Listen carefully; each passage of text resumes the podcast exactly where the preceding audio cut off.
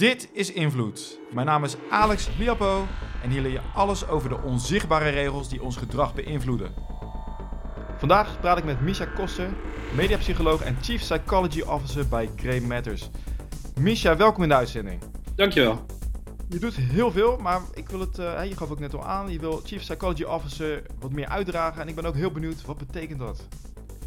Uh, ja, Chief Psychology Officer is eigenlijk een, een, een functie of, een rol die ik heb uh, bedacht om het gewicht aan te duiden van, van de waarde van psychologie voor organisaties. En dat gaat verder dan alleen maar bijvoorbeeld gedragsbeïnvloeding. Maar ik denk dat er in de sociale wetenschappen zoveel mooi onderzoek wordt gedaan, wat eigenlijk niet tot, ja, tot in de volledigheid wordt toegepast binnen organisaties. Dat blijft vaak achter academische muren hangen. Uh, en dat is zonde. Dus de Chief Psychology Officer is iemand die ervoor zorgt dat in eigenlijk alle bedrijfsactiviteiten de inzichten uit de sociale wetenschappen op de meest uh, ja, effectieve, maar ook ethisch verantwoorde manier worden toegepast. Okay, nou, je bent ook niet de eerste de beste. Ik zag een uh, quote van ook op je website van uh, Gialdini. Nou, de mensen die uh, hier naar luisteren, die weten ook wel wie dat is. Het gaat over dat hij nog nooit iemand heeft gezien die zo goed met social media om kan gaan als jij. Nou, je hebt hem ook geïnterviewd. Ja. Um, heel erg gaaf, want ik ben ook een fan van Gialdini natuurlijk. Um, die, de term Chief Psychology Officer, is het, is het de eerste keer dat hij voorkomt? Heb jij hem zelf bedacht? Nou, ik heb hem wel bedacht, in die zin, maar toen ben ik daarna gaan zoeken en toen zag ik dat anderen hem ook al bedacht hadden. dus ik ben niet helemaal de eerste. Alleen wat ik wel zag, is dat de term um, die ik tegenkwam, ik heb dan wat LinkedIn zoekopdrachten gedaan, dat die voornamelijk worden gebruikt voor klinische omgevingen de omgevingen. Dus uh, je ziet een chief psychology officer bijvoorbeeld bij een, uh, een afkikkliniek. afkikkliniek. Ah. Uh, of bij een, een psychotherapiepraktijk. En dat is eigenlijk een beetje ja, de associatie die heel veel mensen hebben met psychologie, namelijk dat het iets klinisch is. Als ik tegen mensen zeg ik ben psycholoog, dan denken ze gelijk dat ik klanten heb. of sorry, dat ik cliënten heb bedoel ik juist. en dan zeg ik nee, ik heb klanten. En dan denken ze ook gelijk dat ik uh, met één, in één oogopslag al gelijk uh, helemaal door heb hoe ze in elkaar zitten. Nou ja, goed, dat klopt dan op zich nog wel.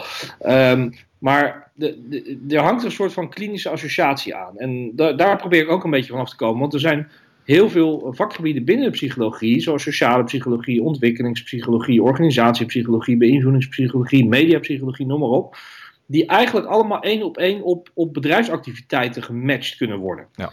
En daarom wil ik die CPO-functie eigenlijk wat breder neerzetten dan alleen maar, zeg maar de klinische kant. En, uh, en dat lukt wel, want je ziet dus dat die nu ook al overgenomen wordt. En dat steeds meer mensen met een sociaal-wetenschappelijke achtergrond en die daarmee bezig zijn ook, zichzelf dus CPO gaan noemen. Oké, okay, en uh, de term neuromarketing, die is ja. aardig aan het opduiken. Is, wat zijn de, is dat hetzelfde?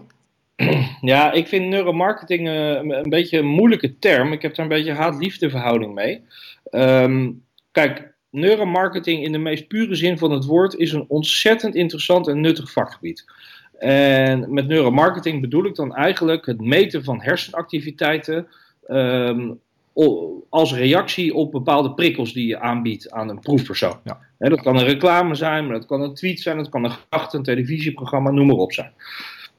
En op die manier kan je dus heel goed meten wat het effect is van, van die uiting of van die, van die uh, uh, interventie misschien zelfs wel.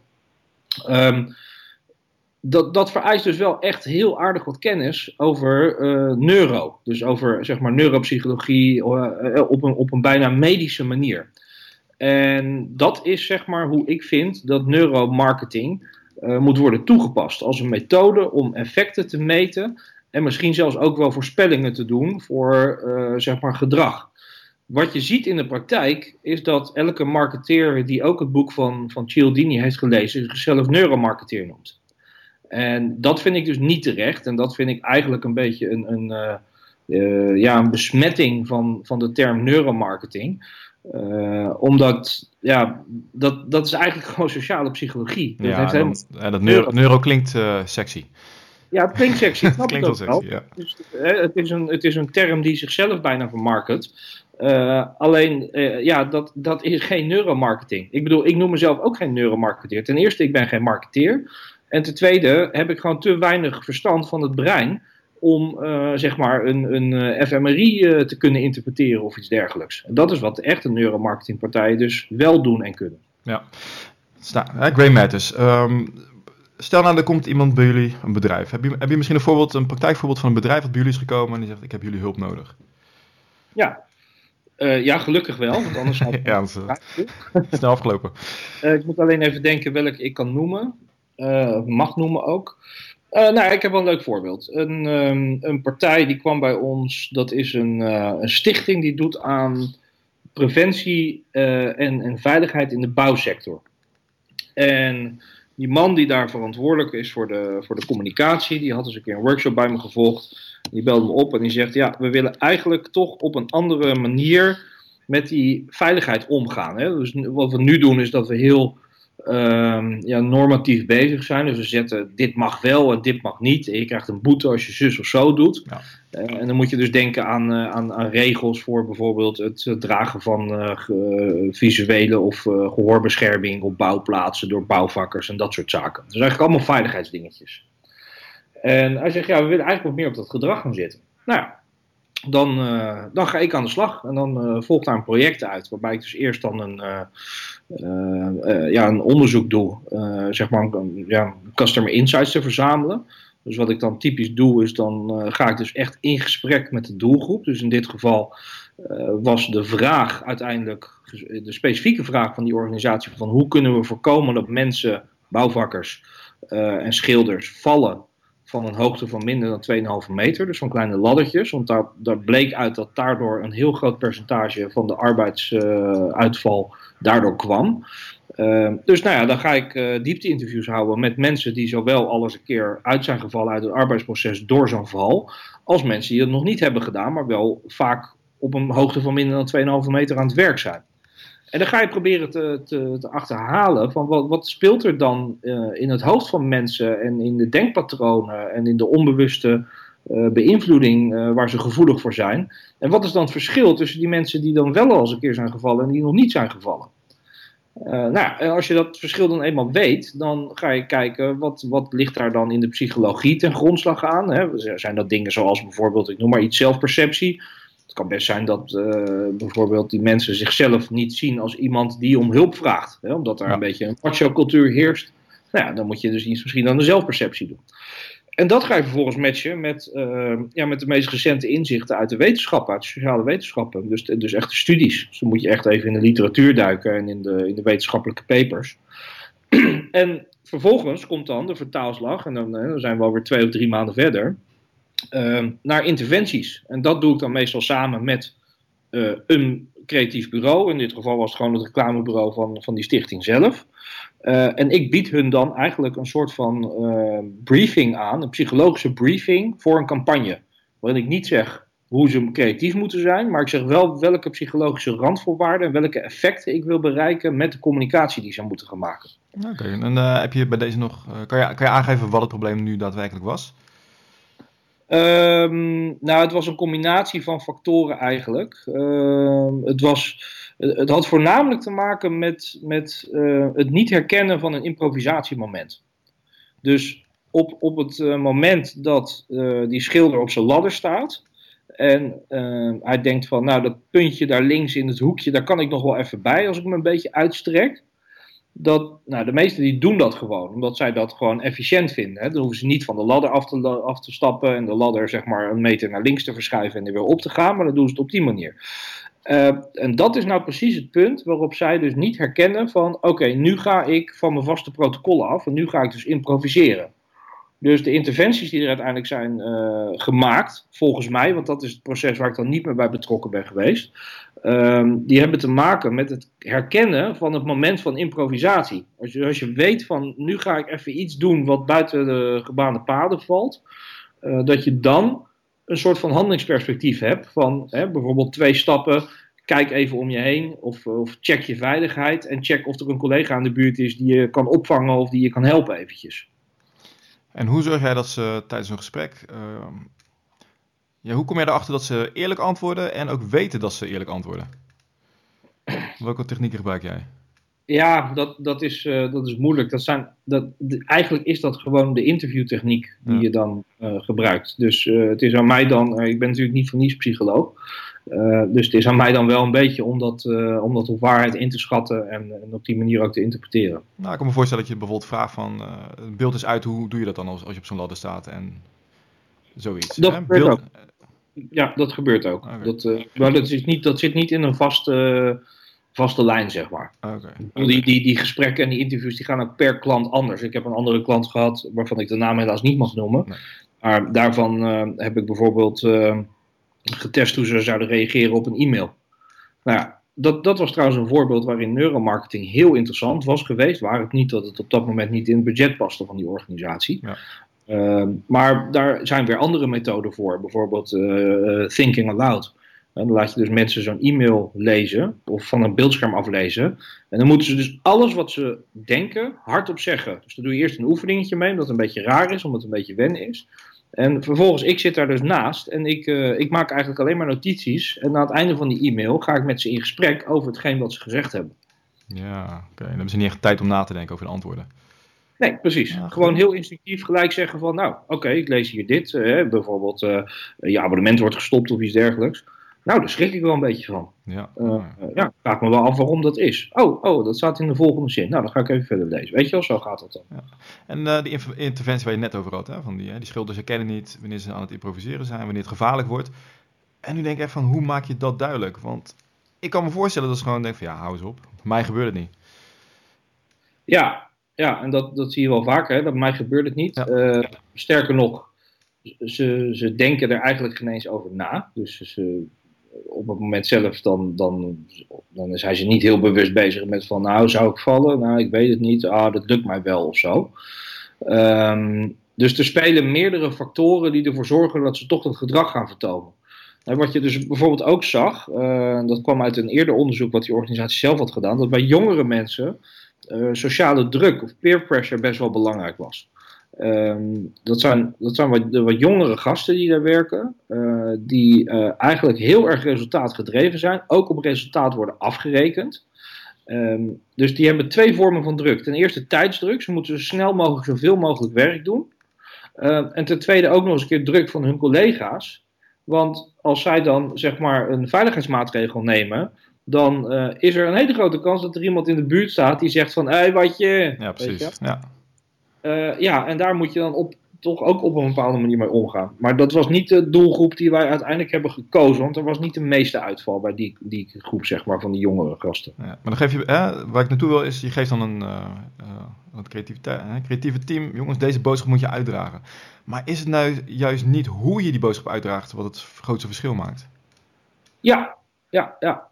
Ja, ja zeker. Uh, en ook wie de boodschap uitdraagt. Dus we hadden bijvoorbeeld, uh, zonder de volledige details te bespreken, maar we hadden in de campagne dus ook nog uh, een, uh, een interventie bedacht die gericht was op de thuissituatie, op de partner van diegene. Ehm, dus uh, eigenlijk kwam, kwam trots en vakmanschap, dat kwamen echt als kernbegrippen naar voren, uh, tijdens de interviews ook. Dus, hè, dus die campagne ging een beetje de kant op van als je een echte vakman bent, dan uh, zorg je dat je, dat je uh, veilig werkt en, en, niet improviseert. Ja. Uh, dus dan label je eigenlijk mensen. nou goed, we weten vanuit de psychologie dat als je mensen labelt in een positieve manier, dan zijn ze geneigd zich naar dat label te gaan gedragen. En dat label dat kan je dus extra versterken nog door de thuissituatie erbij te betrekken. En de thuissituatie te gaan informeren over, weet jij wel eigenlijk wat voor mooi werk jouw man of vrouw doet? Uh, en dus op die manier eigenlijk dat gevoel van vakmanschap en, en waardering nog op een hoger niveau te tillen. Ja, ik moet denken aan een voorbeeld wat ik ooit gelezen heb, was in, uh, in Texas dat ze daar de milieuvervuiling tegen wilden gaan. Mm -hmm. En dat ze een soort campagne hadden gelanceerd voor hè, een beetje de stoere, stoere man. Je kan niet zeggen van gooi het niet in de. Hè, uh, gooi alles in de afvalbak, maar dat werkt niet. Maar gewoon don't mess with Texas. En dan is een, een bekendheden uit uh, bekende Texanen. Ja. Uh, hè, als je een echte Texaan bent, dan gooi je het in de afvalbak. Zoiets was het. Ja. Dan appelleer je nou, ook aan die trots. Ja, precies. Dat is precies hetzelfde inderdaad. Ja, heel gaaf. Okay. Ja. Uh, dus bedrijven komen maar voor, uh, voor inzicht. Ik zie interventie en ook inspiratie. Ja. Heb je daar voorbeelden van? Van hoe je ja, inspiratie. Ja. Dat, zijn, dat, zijn, dat zijn eigenlijk gewoon de, de, de, de seminars en de workshops uh, die ik geef. Ja. En die zijn, daar, zitten, daar zitten heel veel praktisch toepasbare dingen in. Die ehm, de deelnemers eigenlijk de dag daarna al gelijk in hun werk kunnen toepassen. Ehm, maar er zit ook een hoog entertainmentgehalte in. Hè. Het zijn over het algemeen leuke voorbeelden, leuke studies. En ik, ik vind het zelf verschrikkelijk leuk om te doen. Dus ik probeer zelf de manier waarop ik zeg maar, dat overdraag ook uh, zeg maar energiek en, en steeds leuker uh, te maken. En zo blijft ook beter hangen. Ja, ook dat nog. Ja, ja. En, en, en dat werkt blijkbaar. Dus uh, ja, ik, dus een, een, deel van mijn inkomsten is dus gewoon het geven van keynotes en, en uh, inspiratiesessies. Uh, en het andere deel is eigenlijk meer de, de projecten zoals we het net over hadden. Ja, en ik vind ook altijd wel, um, hè, er zijn zoveel van die weetjes van nou, als je dit doet op deze manier, dan gebeurt dat. prijzen enzovoort. Van, hoe merk jij dat jouw jouw kennis blijft hangen bij de deelnemers? Wat, wat voor feedback krijg je erop? Of dat ze het ook daadwerkelijk toepassen? Uh, nou ja, het, het, grappige is, je hebt sommige mensen die zijn een soort natuurtalent, ben ik tegengekomen. Uh, die doen eigenlijk al alles volgens het boekje uh, van beïnvloedingstechnieken, zonder dat ze dat zelf doorhebben. Dus die hebben daar een soort van feeling voor, maar die weten het niet. Dus die vinden het ontzettend leuk om, om dan te horen te krijgen wat ze nou eigenlijk aan het doen zijn en waarom het werkt. En waarom, hè, dat, dat het werkt, dat, dat wisten ze al. Ja. Um, als ik mensen achteraf nog eens een keer tegenkom, na zo'n, na zo'n inspiratiesessie bijvoorbeeld, dan weet ik meestal wel of ze ermee bezig zijn doordat ze een beetje de, de taal spreken. Juist, ja. Dus als ze een paar termen gebruiken die ik tijdens die sessie ook heb gebruikt, dan denk ik: oké, je bent in ieder geval genoeg geïnteresseerd geweest om je erin te verdiepen en om te weten wat het nu betekent. het nadeel van zo'n sessie is natuurlijk dat uh, er zijn best wel wat technieken, waaronder de Cialdini-technieken, ook al zien die er heel eenvoudig uit, die uh, makkelijk verkeerd toegepast kunnen worden. En dan bedoel ik nog ineens ethisch verkeerd, maar gewoon effectief verkeerd. Dus dat het gewoon niet werkt. Uh, en daar moet je heel erg mee oppassen. Ik, eh, bijvoorbeeld deze, uh, die, die, die stichting met die bouw waar we het net over hadden. Ja. Uh, die hadden daarna een keer een campagne gemaakt. En dan sturen ze mij af en toe even een mailtje om te checken van klopt het wel of niet. En wat ze daarmee wilden doen, moet ik even goed nadenken, dat ging over uh, gehoorbescherming dragen. Uh, en daar wilden ze eigenlijk een beetje mee chockeren of de, de, de, de, grootte van het probleem duidelijk maken. Hadden ze posters gemaakt. En op die poster stond um, 78% van jouw collega's heeft voor hun dertigste gehoorbeschadiging. Ja. Laat het ja niet gebeuren, bla bla bla, draag gehoorbescherming, weet je wel. Nou, op het eerste gezicht zouden de meeste marketeers denken van, nou dat is prima, hè? dan maak je de, de noodzaak mee duidelijk en uh, een probleem. Maar ja, wat er ook gebeurt, is dat je dus eigenlijk sociale bewijskracht triggert, maar op een negatieve manier. Ja. Want als je zegt 78% van je collega's hebben voor een dertigste gehoorbeschadiging, wat je eigenlijk dan zegt is, uh, drie van de vier van jouw collega's, die doet het ook niet. Ja. Dus waarom zou jij het doen? Ja, ja, ja. Dan werkt het averechts. En, ja, zijn net die nuances hè, die, die je moet aanbrengen.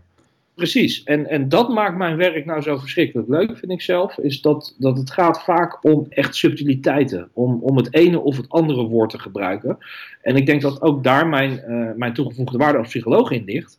Dat, uh, dat ik die nuances wel ken en, en weet te herkennen en ze ook op een juiste manier weet in te zetten. En dat, dat je dus niet met een schot hagel moet schieten, maar dat je echt met een snipergun aan het werk gaat. En wat voor soort bedrijven richten jullie op? Eigenlijk van alles. Okay. Dat, is, uh, ja, dat is een beetje een flauw antwoord, ja. maar... Uh, ik, ik Wat is nou je doelgroep? ja, ik richt me op bedrijven die naar me toe komen. En uh, gelukkig zijn dat er veel. en ik heb daar niet een specifieke voorkeur voor. Mijn enige voorkeur, en, en hoe heet het, uh, uh, ja, criterium zeg maar, is dat het een vraagstuk moet zijn wat echt gedragsgerelateerd is. Dus als er bijvoorbeeld een bedrijf komt die zegt van ja, we willen een nieuwe awareness campagne doen, ja, dan krijgen ze gelijk een, een, een, een hoop shit over zich heen van mij, door mij. Uh, over het feit dat een awareness campagne gewoon ja, eigenlijk een beetje flauw is, een beetje laf is, vind ik zelf altijd. Oh, uh, Ja, nee, nou ja, ik, ik, kijk, met een awareness campagne wil je uh, aandacht vestigen op een bepaald gebied, maar eigenlijk, tenminste in de praktijkvoorbeelden die ik ben tegengekomen, eigenlijk wil je altijd dat mensen iets gaan doen of gaan laten, uiteindelijk. Ja. Een awareness campagne over de risico's van, van vuurwerk afsteken wat je eigenlijk wil, is dat mensen veilig vuurwerk gaan afsteken. Of dat ze misschien geen vuurwerk afsteken. Dus ik vind, en, en, en ik maak mezelf niet populair met deze uitspraak hoor, dat weet ik. Maar ik vind awareness campagnes eigenlijk altijd een beetje een, een, ehm, een soort van uh, laf teken van onvermogen van, uh, van marketeers die niet goed weten hoe ze nou echt gedrag moeten veranderen. Ja, zo we gaan maar vertellen en dan hopen we dat het opgepikt wordt. Ja. Zoiets. je eigenlijk in, hè, dan hoef je alleen maar te communiceren. Dan hoef je helemaal niet de psychologie te verdiepen of weet ik veel wat. Dan ga je gewoon communiceren, ga je informeren. Nou, en we weten al lang dat het oude modelletje van kennis leidt automatisch tot houding en leidt automatisch tot gedrag, dat dat niet werkt. Uh, dus je moet niet alleen informeren, maar je moet ook mensen triggeren. En daar zit juist de hele overtuigings- en beïnvloedingspsychologie in. En hoe sta je tegenover het, uh, wat ik ook wel tegen ben gekomen, is als je mensen inderdaad dwingt tot bepaald gedrag, dat de emotie daarna volgt. Ja. Uh, ik verplicht iemand met kinderen, ik verplicht ze om het licht uit te doen. En dat later komt van, nou ja, het is wel goed om het licht uit te doen. Nee, dat het andersom is. Dat je niet mensen triggert van, het is beter om het licht uit te doen, want... Maar dat je ze eerst dwingt om het op een bepaalde manier te doen. En daarna gaat ze ja. een soort van rationaliseren achteraf. Ja, dat, maar eigenlijk is dat ook een vorm van beïnvloeding. Alleen dat ja. is een hele sterke, dat is dan niet persuasion, maar dus meer coercion, zoals we dat dan noemen. Ja. dus, dus eigenlijk mensen ja, ja, op, op een bepaalde autoritaire manier dwingen. Uh, je zou zelfs kunnen zeggen dat het autoriteitsprincipe daaraan ten grondslag ligt, omdat ze dan gewoon, kinderen in dit geval, dan doen wat je zegt, hopelijk. Uh, en achteraf rationaliseren, dat is op zich prima in dat soort situaties. Je ziet het ook bij aankoopbeslissingen. Ja. Dat noemen ze dan post-purchase rationalization. Uh, dat, dat mensen iets kopen en dat ze achteraf gaan rationaliseren. Uh, dus dus de, de beslissing of de handeling zelf, die doen ze op basis van wel een prikkel. Want er is altijd een call to action. In jouw geval is het gewoon dat jij zegt, je moet dit nu doen. Dat is een call to action. Alleen die is wat zwaarder ingezet en wat subtiel ingezet. En misschien wat meer op, op autoriteit of op machtsverhoudingen of op angst-emotie. Uh, hè, omdat als je het op die manier zegt, dan zit er ook nog een soort van uh, implicatie in van als je het niet doet, dan volgt er wat. Ja, ja precies, want anders. uh, maar er zijn ook manieren van achteraf rationaliseren die wat minder ja, angstig zijn, zeg maar. En dat zie je dus bij aankoopbeslissingen. Dan gaan mensen achteraf, die kopen iets op basis van, nou noem maar op, wat iemand heeft aanbevolen of wat iemand zegt dat hij moet kopen of whatever. En achteraf gaan ze dan denken, heb ik wel een goede beslissing genomen? En dat is ook gelijk, denk ik, waar heel veel bedrijven steken laten vallen. Want die post-purchase rationalization, die uh, is best wel belangrijk. Ja. Die zorgt er namelijk voor of iemand achteraf een goed gevoel heeft bij de aankoop of niet. Um, hè, dus mensen gaan, zijn best wel geneigd om als ze een, een aankoop hebben gedaan, toch nog even te kijken of het een goede was. Ik heb een wasmachine gekocht, ik heb onderzoek gedaan, maar op het volgende feestje dat ik kom, ga ik toch nog even bij de mensen die aanwezig zijn, als er toevallig het onderwerp ter sprake komt, checken of dat wel het goede merk was. Of ik nou echt een Bosch had moeten kopen, omdat een Miele niet beter was. Ik ben ermee gestopt om dat te doen. Toen ik, ja. toen ik, toen ik dat hoorde, toen dacht ik, nee, maak een keuze, laat het zitten. Ja, je bent alleen maar, maar ongelukkiger van. Ja, maar als jij nou die aankoop doet, ja. uh, dan uh, gebeurt er wel iets in je hoofd of althans, je staat open voor suggesties daarover. Ja. Of voor, ja. voor um, uh, meningen, zeg maar. Ja. Dus wat die bedrijven nou eigenlijk zouden moeten doen, is dat ze in hun aankoopbevestiging, die ze sturen, via post of via e-mail of whatever, um, daar gebruik van moeten maken. En hoe kan je dat nou doen? Nou, typisch uh, zie je dat bijvoorbeeld dingen zoals st star ratings en zo, en uh, reviews, dat die worden gebruikt om een product te verkopen. Maar uh, als ik dat product heb gekocht, dan is het misschien ook wel heel aardig dat als ik de bevestiging krijg, dat daar in plaats van alleen maar mijn factuuradres en mijn leverdatum ook in staat van, kijk, je hebt dit product gekocht en volgens 382 mensen krijgt dit product 4 van 5 sterren. Ik vind het een hele goede, ja, inderdaad. Normaal staat ja. dat alleen maar voor de aankoop. Maar laten we dit nou ook eens achter de aankoop zetten. En dan zou je kunnen zeggen, ja, maar ja, als het maar 2 van 5 sterren heeft, dan, uh, uh, dan wil je dat liever niet zetten. Nou, dat, dat denk ik dat wel mee, want als het 2 van 5 sterren heeft, dan heeft iemand daar echt wel een bewuste keuze in gemaakt. En dan is waarschijnlijk prijs de overwegende factor geweest en niet kwaliteit. Dus hoe dan ook, ga je daar niet de mist mee in. Dus wees wat enthousiasmer. Hè? Coolblue die doet dat natuurlijk al in bepaalde mate. van ja, geweldig, je hebt een te gekke aankoop gedaan en we zijn ervan overtuigd dat je echt heel blij gaat zijn hiermee. Uh, we weten dat je naar vooruit zit te kijken. Nou, hij komt over twee dagen. Dit is wat anderen nog over deze producten zeiden. Hier zie je nog reviews. En ja, een, een voedt eigenlijk die post-purchase rationalization.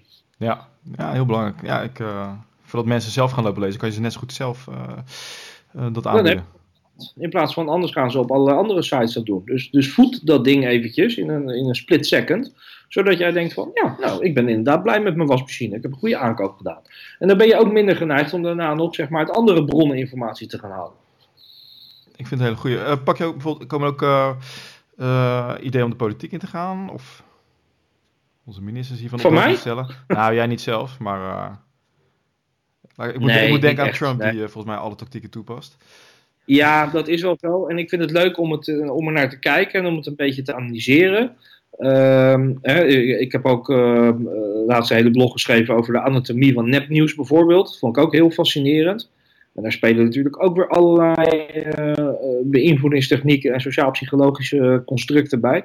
Uh, maar ik heb zelf niet zo heel veel ambitie om dat te doen. En ik denk ook dat er andere mensen zijn die dat beter kunnen. Bij politiek is bijvoorbeeld framing ja. een heel belangrijk onderdeel. Nou, en als je dan kijkt naar bijvoorbeeld uh, Sarah Gagestein, die is daar veel beter in dan ik. Die heeft haar hele werk eigenlijk gemaakt, framing. En volgens mij doet zij ook al werk voor politieke partijen. Die komt ook in de uitzending, dus dat is leuk. Oh, leuk. Ja. oké. Okay. Ja, leuk dat je die doet. Nou, als ik graaf. Um, ja, je bent zelf ook. Um, um, je zegt al, mensen komen veelvuldig naar je toe. Je bent ook een uh, expert op dit gebied. Ook in de media. Ja, jij zegt Voor mij een. Uh, nou ja, dat, uh, ik zie het allemaal voorbij komen. Hoe heb je die status bereikt? Expert, expert is iets wat andere mensen over je mogen zeggen. oh ja, dan, ik zeg het. Ik, ik, ik vind mezelf meer een specialist. Specialist. Ja. ja. Hoe heb je die, die stap gemaakt om zo bekend te staan? Uh, dat, ja, dat is eigenlijk een beetje vanzelf gegaan. Dat heeft er wel mee te maken, eigenlijk met twee dingen. Dat ik uh, op een gegeven moment best wel, uh, ja, niet fanatiek, maar wel gedisciplineerd ben gaan bloggen. En dat doe ik niet vaak, maar als ik het doe, dan probeer ik het echt goed te doen. Dus mijn blogs die zijn ook meestal echt wel long reads. En ten tweede is, uh, en dat is eigenlijk een beetje toeval, CQ geluk, uh, de term mediapsycholoog die ik heb, eh, waarin ik ook afgestudeerd ben officieel. Ik ben dus officieel mediapsycholoog. Sommige mensen zeggen wel, je noemt je dat. Nee, dat ben ik. Uh, daar wordt blijkbaar veel op gezocht door redacties. Want die vinden dat gewoon interessant. En er is iets in de media, of er is iets op, op social media en uh, iets met psychologie. Dus zij zoeken dan naar media of social media en psychologie. Nou ja, en dan uh, ben ik ongeveer de eerste tien posities in Google die tevoorschijn komen. Ah, okay. Dus ja, daar, daardoor. Nou, en dan krijg je eigenlijk een soort van watervalconstructie. Want uh, dan doe je dat een paar keer. En dan ben je een keertje bij, bij Radar geweest en bij Editionel en zo. En dan sta je dus in de klapper.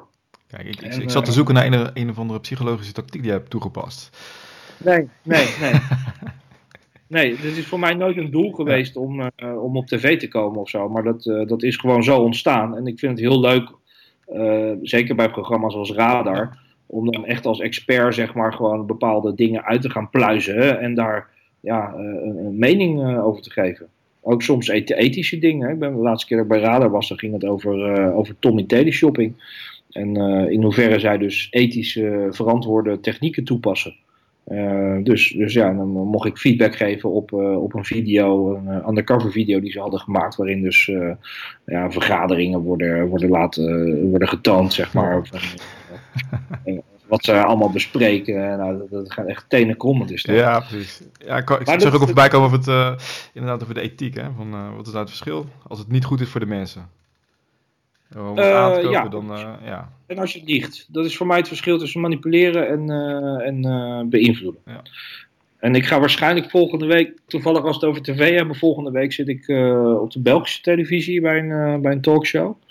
En in België is, is het hele gebied van gedragsbeïnvloeding nog best wel onontgonnen. Dus uh, daar valt nog wat te winnen voor bedrijven zoals die van mij en, en zoals mijn partner bijvoorbeeld Biominds uh, in Amsterdam en, en zo nog een aantal bedrijven. Um, maar ik verwacht dus wel dat daar wel een discussie gaat komen over de ethiek ervan. Ja, maar je hebt je antwoorden op paraat. Ik, heb ik, denk, ik denk dat, daar geen, uh, dat er niks tussen te krijgen is. Anders zou ik, anders zou ik daar niet gaan nee, zitten. nee, precies. Hey, Misha, bedankt voor het interview. Heel, ja, heel leuk. Graag. Ik zal alle linkjes uh, plaatsen bij ons in de, in de show notes. Um, ja, en ik, uh, oh, er komt een boek uit. Ik weet niet of je daar nog wel over wil hebben. In mei?